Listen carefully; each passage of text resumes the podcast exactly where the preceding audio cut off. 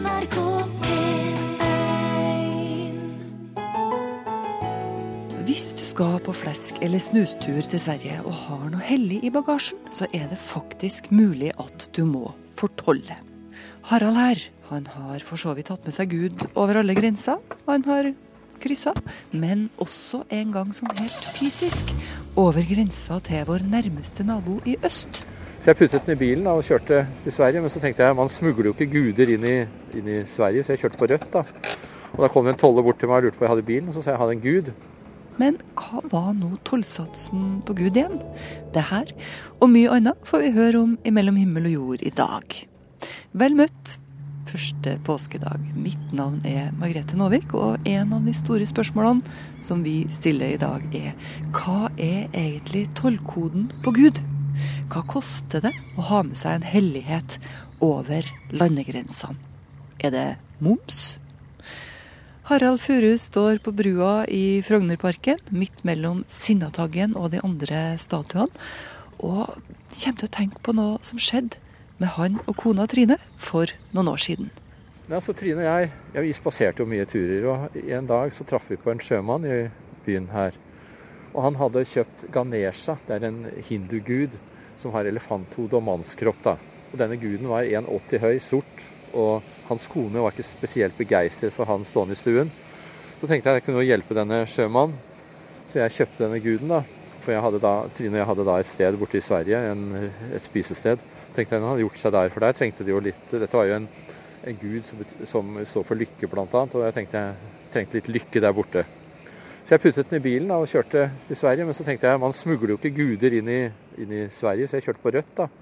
Og Da kom en toller bort til meg og lurte på om jeg hadde bilen, og så sa jeg jeg hadde en gud. Det var tydeligvis helt uvanlig at man brakte med seg guder inn i Sverige. Og han hadde jo ikke noe, noe sånn tollkode på, på guder heller. Så fikk jeg moms da, på denne guden. Og da, da tipset jeg jo da en journalist borte i Sverige da, at hvis han undret seg over at det var få guder i Sverige, så hadde jeg fasitsvaret, for det var jo moms på dem. Så det ble jo et ordentlig oppslag om det, da. Det er fint, altså det er derfor det er lite guder i Sverige. Hvordan er det i Norge? Det er moms på guder i Norge? vet du? det har jeg ikke prøvd. Jeg kan prøve å hente guden tilbake, og så, og så kjøre den tilbake til Norge. Og så se om det blir moms på den. Det blir vel et eller annet avgift på den guden på nytt. Det koster å ha med seg Gud. Det koster å ha med seg Gud, men det er kanskje kjekt å ha det òg. Du har hatt det egentlig hele livet, du. Ja da. Ikke sånn? Jo da. Har du hatt noen stunder hvor du har tvilt, da? Nei, men jeg har helt siden jeg var gutt, har jeg undret meg Ja. over mye og over livet. Ja. Og det, det gjør jeg jo fortsatt. Det er mye jeg undrer meg over. Og jeg har gjort mange, gjorde mange eksperimenter da jeg var gutt som ikke falt helt heldig ut. Og, men mor og far var vel da tolerante. ja. De eh, satt rolig i båten. Ja, Ja. så Men hvordan, eh, Har du noen slags sånn personlig kontakt med din gud, da? Som ikke er Ganesha, men kanskje? som ikke er Ganesha. Altså, Hvem er det, forresten? altså, Trine og jeg Det er en lang historie. Dette er ting som har utviklet seg. Vi tror jo på at uh, når vi dør, så er det en energi som går videre. Og det er en positiv energi som går videre. Og det er ikke noe motsetning med det i forhold til det uh, vi har lært på da vi var små på søndagsskole eller uh, Du tenker hva på vi- den kristne den kristne troen. Jeg føler at det er helt i, i tråd med den. Jeg tror på kjærlighet, og helvete tror jeg ikke på. Det tror jeg vi skaper selv. Går du i kirka da, eller? Ikke så ofte. Nei. Altså Det som gir meg mest, vel, det er vel gode samtaler med gode venner. Og det gir meg veldig mye. Å være sammen med familie og venner. Er det, da, er det da Gud er til stede? Jeg tror Gud er til stede hver dag, ja, overalt. Men når, du merker, når merker du det best, liksom? Er det i de gode Ja, det kan, være, samtalene? det, det kan være man treffer et lite barn, Mm. f.eks. En god samtale med et lite barn. Jeg har jo hatt ja, Det er klart, denne, denne, denne perioden hvor Trine var syk Vi traff jo så mange mennesker på vår vei. En dag på Hospice Lovisenberg så var det en gutt på åtte år som kom bort til oss. Han eh, så sterkt på Trine, og så sa han 'Har du kreft, du?' Ja, sa Trine. Ja, det er mammaen min òg, men hun er ikke død enda. Så sa Trine du skal huske på én ting. Mammaen din vil være i hjertet ditt hele livet. Og da fikk vi en bamseklem av denne gutten. Og så ble han veldig alvorlig, og så så han på meg. Så sa han tror du på magi? Så sa jeg ja. For hele livet er jo magisk. Og så sa han ja, da er, du min venn, sammen. Det er jo veldig synd sånn at du er så gammel, for du er kanskje bare 20 år igjen. Du sa han hadde du vært syv år, kunne vi hatt hele livet sammen. To dager etterpå døde mammaen hans. Så det er mange sånne sterke møter med mennesker. Og Hva med naturen, da? Er det sterke møter i naturen? Med naturen? ja, ja, jeg føler at man senker skuldrene når man kommer ut i naturen.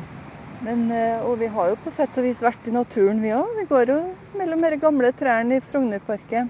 Ja. Det er jo noe annet enn å gå ned Bogstadveien her. Det er jo litt annet enn å gå ned Bogstad, men selv når man går ned i byen, så kan man se mye natur. Jeg undret meg over i Inkognito-gaten, ikke så langt ifra statsministeren vår. Der er det en murvegg av stein opp mot den svenske ambassadørboligen. Og på denne rette murveggen så er det noen små trær som har prøvd å klamre seg fast. Så man ser jo natur. Det gir seg ikke så lett, Nei. naturen. God påske. God påske. Judith van der Wele hun er psykolog og kjenner ei djup respekt for mennesker hun møter som har en annen religiøs overbevisning enn hun sjøl. Som eksempel da hun traff ei hijabkledd mor utafor rettssalen i forkant av en barnefordelingssak. Eh, Og hun, i trappeoppgangen, så brettet hun ut et sånt lite teppe, og hun ba. Hun strakk hendene mot himmelen, hun bøyde seg ned igjen. Og det var lett for meg å se at dette var noe som ga henne trøst og styrke i møte med det vanskelige som hun skulle inn i, inn i rettssalen etterpå. Vi møter Judith litt senere i sendinga. Nå skal vi sette kursen for en benk i vårsola på Svartlamoen i Trondheim. Der har vi en avtale med en av beboerne, Dag Rønning. Dag er redaktør for gatemagasinet i den byen her. Trondheim, altså. Det heter Sorgenfri. Salg av dette bladet gir arbeid til folk som sliter, og som er litt utafor det vanlige arbeidslivet. Tore Rosshaug tar oss med til redaktørens nabolag. Lademoen, eller Lamoen, er Trondheims tradisjonelle arbeiderstrøk. Og Svartlamoen er blitt navnet på det som var den fattigste delen av strøket, på nedsida av jernbanen. Heller ikke i dag kan man kalle området strøkent. Her bor det mye kulturarbeidere og folk som ikke bryr seg om HTH-kjøkken og robotgressklippere. Mange av de gamle trehusene som ennå står, trenger oppussing. Barnehagen holdt til i en fraflytta bilbutikk. Men her er unger som ser ut til å trives. To av dem klatrer i et tre i nærheten. Ikke lenger et vanlig syn såpass nært bykjernen. Dag Rønning, du er født i 1960, eh, og så har du litt eh, grånende skjegg. Jo da. Eh, Men ellers er du veldig ungdommelig i stilen og stiller her nå med er det en felleskjøpejakke, eller? Det er vel en felleskjøpejakke. Og jeg har jo litt rurale eh, røtter i meg fra Orkdalen i Svorkmo, så felleskjøpet er morsomt. Men Du er en litt spesiell fyr. Liker du å være spesiell? Nei, vet du, jeg legger ikke noe vekt på det. Jeg prøver bare å være meg sjøl. Men syns du at eh, mange ikke er seg sjøl? Det er vel strengt tatt ikke min business, tenker jeg. Jeg håper folk i størst mulig grad eh, er seg sjøl. Men det er jo en eh, kamp sikkert hver enkelt må gå med seg sjøl. Det er kanskje I og med at jeg er singel og barnløs, så er det kanskje veldig enkelt å være seg sjøl. Når man er del av et større sosialt fellesskap som familie og man er på skoler eller SFO eller i forskjellige andre sammenhenger, så må man kanskje være litt mer konform overfor de andre sosiale miljøene man frekventerer. Mens jeg har jo stort sett bare meg sjøl å bry meg om, og da er det kanskje litt enkelt å være seg sjøl. Men eh, de fleste jeg omgås nært, har jeg en veldig sterk følelse av seg sjøl. Absolutt. Hva vil du si er felles for, for dere som bor her, da? Fins det en fellesnevner? Nei, Den må være at vi er glad i Svartlamoen, tror jeg. Det er veldig mye forskjellige folk som bor på Svartlamoen, og for, for all del. Vi ligner jo sikkert mest av alt på eh, andre folk på Lamoen, tror jeg. Eh, Så fellesnevneren er nok det at vi er glad i bydelen vår. Er det noen av selgerne dine, altså selgerne av uh, gatemagasinet Sorgenfri, som, som, bor i strøket? Eh, nei, det er nok bare redaktøren som bor på Svartlamoen. Men du har jo sagt ved noen anledninger at du mener å dra nytte av at du sjøl har vært i, i randsonen av samfunnet og jobba på bar og sittet mye på bar og, og mm, hatt en det du kaller en utprøvende periode i livet. Hvor viktig vil du si at det er å ha en sånn bakgrunn i den jobben som du har nå? Jeg tror nok man godt kunne ha laga et Sorgenfri uten akkurat det, men eh, i min situasjon som redaktør i Sorgenfri, så betyr det jo først og fremst at jeg, jeg har sett samfunnet fra litt forskjellige kanter, litt fra forskjellige hold, og ikke minst har jeg bygd opp et kontaktnett som eh, gjør det veldig takknemlig å fylle et magasin da, med stoff som kanskje representerer litt det synet som man kan tilby fra en randsone. da. De opplevelsene du hadde i, tidligere i livet, i det du kaller den utprøvende fasen, eh, hvor, eh, hvor, viktig har det vært for deg? Nei, det er vel en, rett og slett en, eh, et stykke på stien i det vi snakka om i sted, om å bare være seg sjøl. Ja, men Var, var, du på kjøret, liksom? Nei, nei, nei, jeg var ikke på kjøret. Jeg var glad i å sitte på bar, og jeg var glad i å Og jeg trivdes vel kanskje i litt mer eh, alternative miljøer. Eh, både i de årene jeg bodde i Oslo og det miljøet hvor det bedrives musikk eller tegneserielaging eller eh, en del sånne ting. Og også som i hvert fall enslig i enkelte perioder der, da, så blir det jo at man eh, oppsøker litt miljøer hvor det er mye ja, Vanskelig å formulere der, men uh, hvor det ikke er spesielt konformt, da, rett og slett. Jeg har ikke noe mye å bidra med i diskusjoner om uh, husbanklån eller eh, barneoppdragelse eller konfirmasjonsgaver eller noen sånne ting. Og da blir det jo at man oppsøker miljøer hvor det ikke er noe mye snakk om sånt. Og da er det jo sikkert også en eh, lavere terskel da, for å være seg bruk av alkohol eller cannabis eller eh, sånne ting. Kunne du ha vært en av selgerne dine, i stedet for at du nå er redaktør for Gatemagasinet? Nei, det tror jeg bestemt ikke. Veldig mange av selgerne våre, det er vel nesten en Nesten i hvert fall åtte av ti eh, har dårlig barndom. Veldig dårlig barndom. Det er overgrep, det er oppvekst i voldelige rushjem, det er overgrep på institusjon, det er overgrep på skole, det er veldig mye ADHD, det er veldig mye mobbehistorier, sånne ting. Og det er det som er grunnen til at de ofte har havna litt skjevt i livet. og Derfor de har oppsøkt miljøer hvor det finnes og utveksles lignende erfaringer og historier. Og jeg som kommer fra en veldig trygg og flott familie full av kjærlighet, jeg tror egentlig jeg kunne ha pakka i meg veldig mye rart uten egentlig å blitt narkoman, for å si det sånn. Hadde du noen form for vendepunkt uh, før du da bestemte deg for den videre karrieren, nemlig at du satsa på journalistikk? Det, nå har det vært sånn i hele livet mitt at ting har bare ramla på plass eh, av seg sjøl. Skrivinga mi den kom jeg vel egentlig i gang med ganske seint. Jeg var vel midt på mine 30 års når jeg begynte på noe som heter Westerdals reklameskole i Oslo.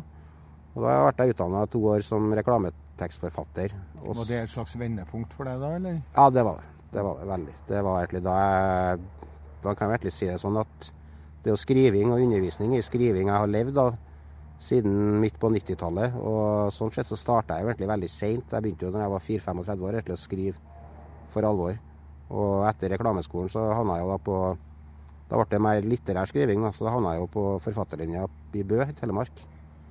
Føler du at eh, det magasinet Sorgenfri, som du er redaktør for, er noe som folk leser, og som er respektert? Det har jeg følelsen av, ja.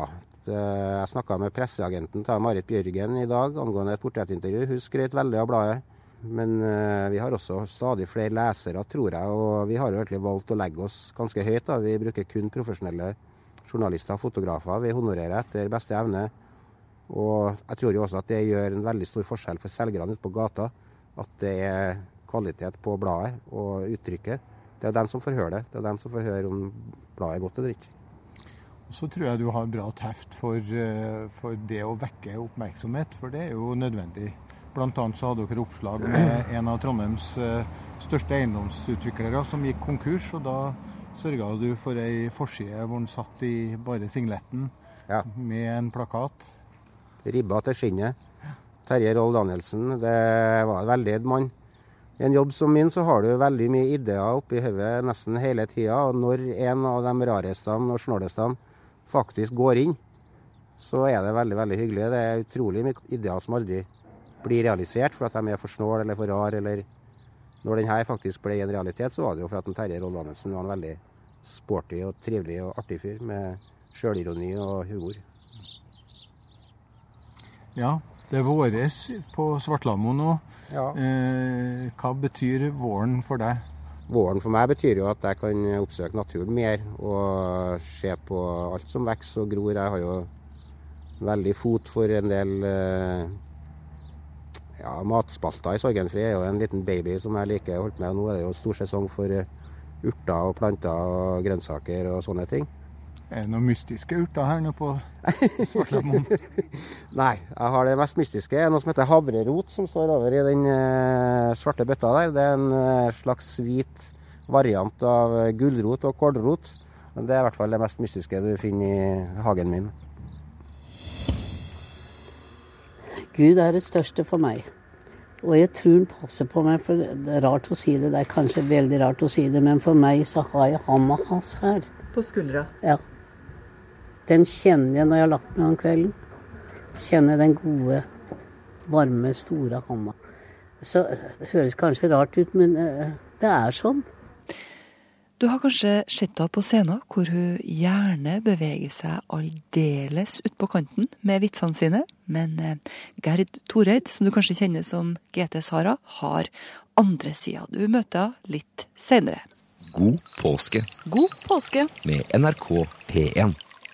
All religion bærer bud om sjelefred, kjærlighet og respekt for livet. Så langt alt vel, men når en troende fra én religion møter en troende fra en annen, så er det jo sånn da, at eh, det lett oppstår uenighet og konflikter, kanskje. Judith van der Wele er personlig kristen, men jobber som psykolog i Oslo. Hun møter ofte klienter som eh, ønsker å bringe religiøse spørsmål inn i terapirommet, og som kan ha en annen religiøs tilhørighet enn Judith har. Mennesker i krise som søker tilflukt i si tru, har krav på støtte med tanke på sitt eget ståsted, også av psykologen, mener Judith, som ikke prøver å påtvinge andre det hun sjøl tror på. Tvert imot. Hun lar seg berike, sier hun. Jeg tenker at eh, det guddommelige åpenbarer seg i mange forskjellige eh, former, og jeg lytter med respekt. Det hender at jeg anbefaler mennesker å, å justere aspekter ved sin tro fordi det gir dem dårlig psykisk helse. Hvis det er mye sånn lovkjør og veldig kraftig svart-hvitt-tenkning, så kan de få dårlig psykisk helse av det. Men for mange er jo den troen de har, en, et rammeverk av eh, trygghet og, hvile. Og noe de kan hente styrke fra. Så da eh, syns jeg det er naturlig at de at vi møtes i det. At tro er noe som kan eh, hjelpe oss i vanskelige øyeblikk. Eh, jeg har en eh, kollega som har en, et hinduistisk bakgrunn. Og hun har noen ganger eh, møtt meg med, med hvor hun sagt Judith, nå har du møtt mye av det onde i verden, sier hun. Du er, du, du er forurenset. Eh, Du må la meg be for deg, sier hun. Og så har det vært så vakkert for meg å oppleve hennes kjærlighet for meg gjennom den, en sånn hinduistisk rituale hvor hun først bøyer seg i bønn eh, for, eh, til, til Gud. Så uh, henter hun salt som hun putter i hånden sin, som hun har en sånn bønnerituale hvor hun vifter saltet frem og tilbake foran meg, og så åpner hun hendene, så ber hun meg spytte i saltet i, i spytte i hendene hennes, og så går hun til vasken og så skiller hun det av. Og så, si, så sier hun at dette er for at du skal bli renset. Så kan du si at jeg er ingen hindu, eh, jeg, jeg forstår ikke ritualet, men kjærlighetshandlingen, omsorgen for meg, Det at hun på en måte vil ta imot spyttet, da, hvis vi skal si sånn, bare i, i saltet i hendene hennes og vasker det av. Det er en, det er en, en vakker rituale som var med meg resten av den dagen, hvor jeg opplevde um, at noen, noen brydde seg om hva, hva, livet gjorde med meg. da. Hva jeg ble utsatt for av utfordringer og krenkelser og vanskelige situasjoner. Det var et utrolig vakkert rituale, så jeg, jeg, eh, vil gjerne oppleve den oftere da, når jeg er sammen med henne. Hvordan følte du deg etterpå, da? Du, jeg følte, meg, jeg følte meg faktisk ren. Jeg følte meg lettet, jeg følte meg lys. Og så følte jeg at det var noen som, som, som så meg som menneske, da. Som så at jeg ble, også ble rammet av uh, mine menneskemøter, på godt og vondt. Så du tror at vi kan dele ritualer med hverandre, selv om de kommer fra ulike ståsteder? Ja, det er jeg helt sikker på. Du jobber med barnevernssaker og barnefordelingssaker nå, gjør du ikke det? Ja, jeg gjør det, ja. ja. Mm. Hvilken rolle spiller religion inn i slike tilfeller? Eller tro generelt? Mange av de minoritetsfamilier som jeg møter, jeg, det er stort sett de minoritetsfamiliene som jeg treffer i disse barnevernssakene. Eh, har en tro med seg. Noen har lagt det helt bak seg, for de opplever at tro har vært noe som har vært misbrukt eh, i de landene de kommer fra, så de har parkert det helt. Og da blir også troen ikke noe særlig tema i våre samtaler. Men eh, det var en kvinne som eh, sto i en vanskelig barnevernssak. En, en muslimsk kvinne som eh, var tidligvis troende med, med hijab og med, som var veldig anstendig kledd. som var, Det var viktig for henne å be fem ganger om dagen. Og vi var i en liten rettssal hvor det ikke var lagt av, satt av noe sted til bønn. Eh, og hun, i trappeoppgangen, så brettet hun ut et sånt lite teppe, og hun ba. Og vi advokater og sakkyndige og andre sto rundt, for vi ventet på å komme inn i dette rettslokalet, og hun tok seg den tiden hun trengte til å be til Gud. Og vi kom jo veldig tett på henne, da, og jeg opplevde at det var veldig jeg syns også det var en veldig rørende situasjon, for jeg så dette er viktig for meg. Jeg er i en vanskelig sak når det gjelder barna mine, og den bønnen, den ritualen, det hjelper meg. Så så jeg på hvordan hun bøyde seg ned. Hun reiste seg opp, hun strakk hendene mot himmelen, hun bøyde seg ned igjen. Hele, hele den muslimske bønneritualen var en utrolig vakker ritual. Og det var lett for meg å se at dette var noe som ga henne trøst og styrke i møte med det vanskelige som hun skulle inn i, inn i rettssalen etterpå. Og jeg hadde veldig respekt for det, for det er mange av oss som har blitt forlegne da, ja. i forhold til det vi tror. Og vi er ikke der hvor hun er, hvor det var så naturlig for henne, og hvor, hvor hennes tro kom foran hva vi mente om henne. Så hun var et lite sånn påminner til meg om det, at vi er blitt beskjedne og forlegne i forhold til tro. Den som jeg syns er vanskelig, da, det er en, en, den muslimske forståelse hvor man skal bøye seg for skjebnen. At Gud bestemmer. Eh, at eh, vi, det livet gir oss, må vi tåle og lære å håndtere med tålmodighet. Og vi må vise hvem vi er. Altså livsvanskene lutrer oss som mennesker. I møte med uh, grusomme historier så syns, så syns, jeg personlig at den sterke overgivelsen til at det er som Gud vil, den syns jeg med mitt personlig ståsted er vanskelig å akseptere. Men der òg har, har, jeg lyttet, og det jeg hører, er at, uh, at, mennesker, når de sier dette, ofte finner en form for hvile. At jeg gir meg over til det som skjer i livet. Det er en form for veldig dyp og klok aksept noen ganger. Mm. Uh, som uh, istedenfor mer den protesten at jeg protesterer mot min skjebne, da. Har det ført til at du også har blitt mer At du gir mer etter for livet? Ja, jeg gjør det. Jeg syns det er eh, en, en, viktig endring etter mine klientmøter at jeg, at jeg har tenkt mer over det. At, at, jeg skal bøye meg litt oftere for skjebne og ikke protestere på alt. Hvordan ser du på fremtiden når det blir flere og flere religioner som møter hverandre? Tror du det er mange som kommer til å tenke som deg? Jeg tenker at det finnes en fellesmenneskelig kunnskap om, om kjærlighet, om ondskap, hvis vi kan si det sånn, om, eh, om etikk i, i som er lagt ned i oss mennesker. Så og når vi har de gode samtaler med hverandre, så vil vi finne møtepunkter. Men er det sånn at du respekterer all religion for det den er verdt, eller fins det også religioner som kan virke skadelig, tror du? Det fins eh, praksisutøvelse og ha trosforståelse som er svært skadelig for mennesker. Og jeg tillater meg i mine terapier og samtaler med mennesker å mene noe om deres tro. Og vil kunne si uh, dette, er, uh, dette høres ut som dette begrenser livet ditt på en måte at du bærer for tunge byrder.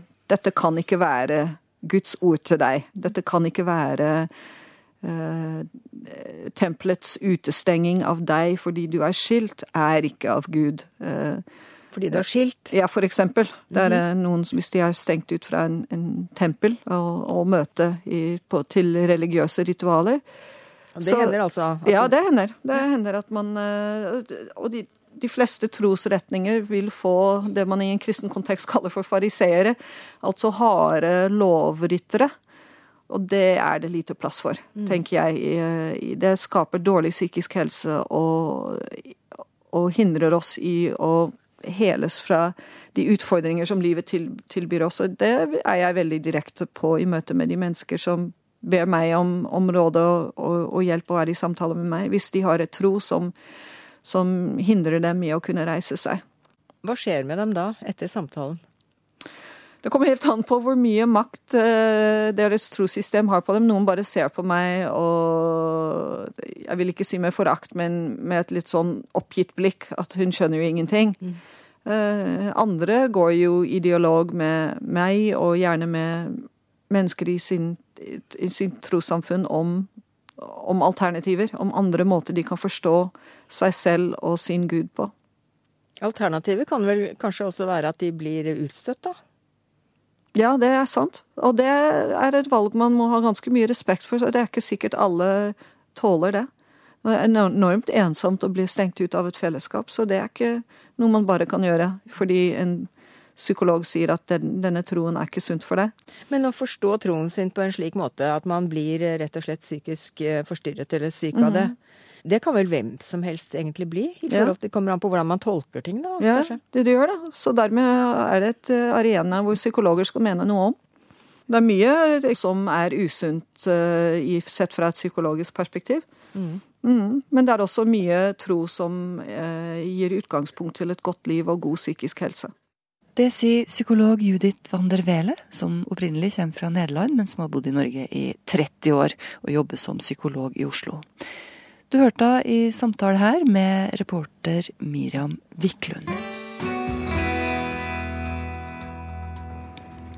Gylne øyeblikk de kommer gjerne når man minst venter det. For et par uker siden så var jeg ute og skulle kjøpe meg potetskreller på et digert kjøpesenter. Jeg hørte eh, en lyd borti andre enden som jeg ikke helt skjønte hva var. Da jeg nærma meg, så så jeg ei godt voksen dame med gitar på en forhøyning ved rulletrappa. Og Da sier den ene til den andre det var, hjemme hos oss var det så kaldt, sånn. Og så var det så digre sprekker i kjøkkengulvet. Sånn. Så nå ville han munnspille nedpå der på vinterkveld, og så spilte det livet på Finnskogen av seg sjøl, sånn. det her er Gerd. Hun ble 90 sist høst, og er muligens Norges eldste standup-komiker. Her står hun på en scene foran ei eh, svært lattermild forsamling ja. inn på et digert kjøpesenter. Hun har en lys rosa genser med hvite perler på, lang og glitrende ørebynt og rosa leppestift. Jeg vet ikke om jeg tør å fortelle den andre salen. Tør jeg det, eller? Skal jeg synge en pen sang etterpå. Ja, så sitter de lenge stille, og så sier den ene Du, Oskarskinn. Nei, barber tar med alt håret ned på herja sin. Hvorfor har du gjort det, sier Oskar. Jo, når han ikke vil stå, så skal han ikke ligge godt, sa han. Hun er en slags PT. En personlig trener med lattermuskler som spesiale. Denne, denne var litt fæl, da. Men av og til, når hun legger seg om kvelden, så tenker hun på at hun kunne ha brukt evnene sine litt annerledes. Kunne ha tatt litt andre valg. Når denne forestillinga er ferdig, så skal jeg spørre henne om å få lov til å bli med backstage. Du ser ut som en million dollar, og så, og så er du veldig søt når du er. Hun kommer til å si ja. Vi skal ta heisen opp på bakrommet, og Gerd skal sette seg i en mjuk stol med noe godt å drikke. Ja, jeg er av Gerd Toreid, populært kalt GT-Sara. Nå har jeg fått meg et glass vin, og det syns jeg skal ha når jeg kommer til Trondheim.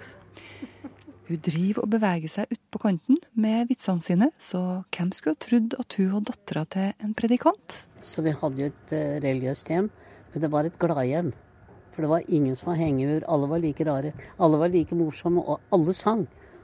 Og som jeg sa, som faren min sa, at jeg tror at Vår Herre er humoristisk sans. Ja. Brødrene mine sang, Yngstebroren min han var jo litt av en sjarmer, og han sang. Og han og jeg, vi sang eh, på tivoli på Hamar første krigsåret, vi. Da spådde de oss en storverdenskarriere, for vi hadde så fenomenale stemmer. Så var vi pene begge to. skjønner du. Men hvor mange søsken var dere? Ti. Ti søsken. Og Det var jo et helt kor, det, da. ja, og så vi har seks søstre da, som spilte gitar og sang flerstemt. De sa vi var helt fenomenale. Alle hadde så gode stemmer, vet du. Så var det selskap i familien, så var det sang og musikk. Og alle var morsomme. Ja. Så ble det at ei søster av meg, da, vi sang mye to oss. Og Ruth, dessverre, det må jeg vel fortelle, hun blir begravd i morgen, så jeg skal begravelse i morgen. Det er siste søstera mi. Hun ble 95 år da. Jeg var nest yngst da, vet du, så det er igjen bare meg nå, da. Så jeg skal synge i hennes begravelse i morgen, da. Ja. Hva skal du synge, da? De har bedt om, har bedt om uh, noe som heter 'Takk min Gud'. For jeg hadde en far som takka for alt. Om det var vondt eller godt, så takka han Vår Herre. Og den sangen har Ruth og jeg sunget så mye, så den ville sønnen hennes at vi skulle synge, at vi skulle synge i kirka. da. Og du snakker på barndommen. Vi hadde en festlig barndom. Det vil jeg påstå. Vi hadde ikke den rikdommen som er i dag, men vi hadde så mye rikdom ellers. Trygghet. Vi mangla ingenting. Vi hadde mat og klær og varmt hus. Og skulle vi med, med noe mer? Kan vi ikke være fornøyd med det i dag, så hadde vi vært kanskje litt lykkeligere. Men det, du, du høres veldig sånn takknemlig ut. Jeg var veldig takknemlig. Ja. Og så har jeg bestandig vært positiv. Ja. Hun sa det eldste søstera mi. Hun hadde vært med på fødselen når jeg kom til. Og hun sa da Gerd var født glad, sa fru Lo med samme han kom til. Og det er et noe rart, kjenner hun så alt dette rare rundt seg. Nei men jeg har bestandig vært glad. Jeg har gjennomgått så mye. Jeg ble bl.a. enke veldig tidlig med ei lita småjente. Da var det jo ikke noe hjelp å få. Og jeg mista faren min og mannen min på 14 dager, da. Men jeg ga meg aldri over. Men du må jo ha vært eh, Du må jo ha sørga? Ja, klart jeg Eller- hadde det, men det var bare jeg som visste. Ja. Og jeg måtte jo ta alle de jobber som var da, for å greie meg og småjenta. Men så fikk jeg mm, jobb på Domkirkeodden på Hamar restauranten der om sommeren, da. Og da husker jeg de sa den blideste serveringsdama der er Gerd. Og de visste ikke den gråten jeg hadde inni meg, altså. Nei. Du For det- mista en gutt òg, vet du. Ja. ja. Du, han hadde en så sjelden sykdom. Altså, I Norge hadde de ikke noen greie på det. Altså, de blir født med en så tynn, tynn eh, benbygning. Så bare du tar i dem, så brekker du ben. Så han hadde jo fem benbrudd han kom til. Og hvis de levde opp, så kunne du nesten ikke ta i dem. Og så ville det hvite i øya bli blått. Så jeg takka for at han fikk lov å slippe, jeg, altså. Han fikk ikke sin egen grav den gangen. Så han ble begravd sammen med en eldre mann. Og det syns jeg var veldig betryggende, for da var han ikke alene. Så jeg har jo Men som jeg sier, jeg har aldri gitt meg over. Jeg vet ikke, jeg er født glad, tror jeg. Jeg er nok født glad. Ja da. Hvordan er det å se tilbake på livet? Hva er det som liksom peker seg ut som eh, Jeg angrer litt på mye. Jeg angrer på mye. Gjør du det? Ja, for at jeg kunne vel ha vært litt større enn jeg er hvis jeg hadde brukt disse her, men aldri gjort det. Aldri brukt albuene? Nei, Nei. det har jeg ikke gjort, altså. Så, men nå har jeg en glede på mine eldre dager. Større glede har han ikke enn å glede andre, som det heter. Men det var en guttunge som spør mor si åssen han kom til. Jo, sier mammaen, det var storken som kom med deg.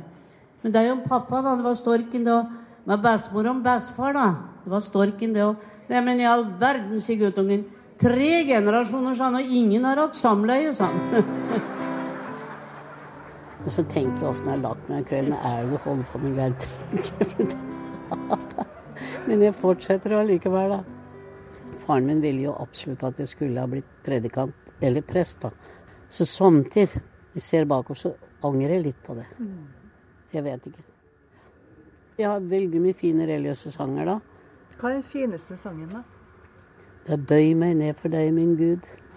Den er jeg så glad i. Ja. Kan du synge? Bøy meg ned for deg, min Gud, dypt i støvet ned. På alt eget tøm meg ut, så får sjelen fred. Jesus, virk du alt i meg, jeg slett intet kan. Og jeg gir meg helt til deg, kjære frelsermann. Gud er det største for meg. Og jeg tror han passer på meg, for det er rart å si det. Det er kanskje veldig rart å si det, men for meg så har jeg handa hans her. På skuldra? Ja. Den kjenner jeg når jeg har lagt meg om kvelden. Kjenner den gode, varme, store handa. Ja. Så det høres kanskje rart ut, men eh, det er sånn. Og det ble siste innslag i denne radiotimen. Margrethe Nåvik heter jeg, som ønsker deg ei riktig god restpåske. E-postadressen hit er himmel og jord i ett ord, krøllalfa, nrk.no. Hvis du ikke nøyer deg med lyden av oss, så kan du gå inn på Facebook-sida vår, NRK Livet. Der ser du bilder av mange av dem som eier stemmene du har hørt i de her programmene. Og du kan selvfølgelig kommentere og tipse oss på NRK Livet på Facebook.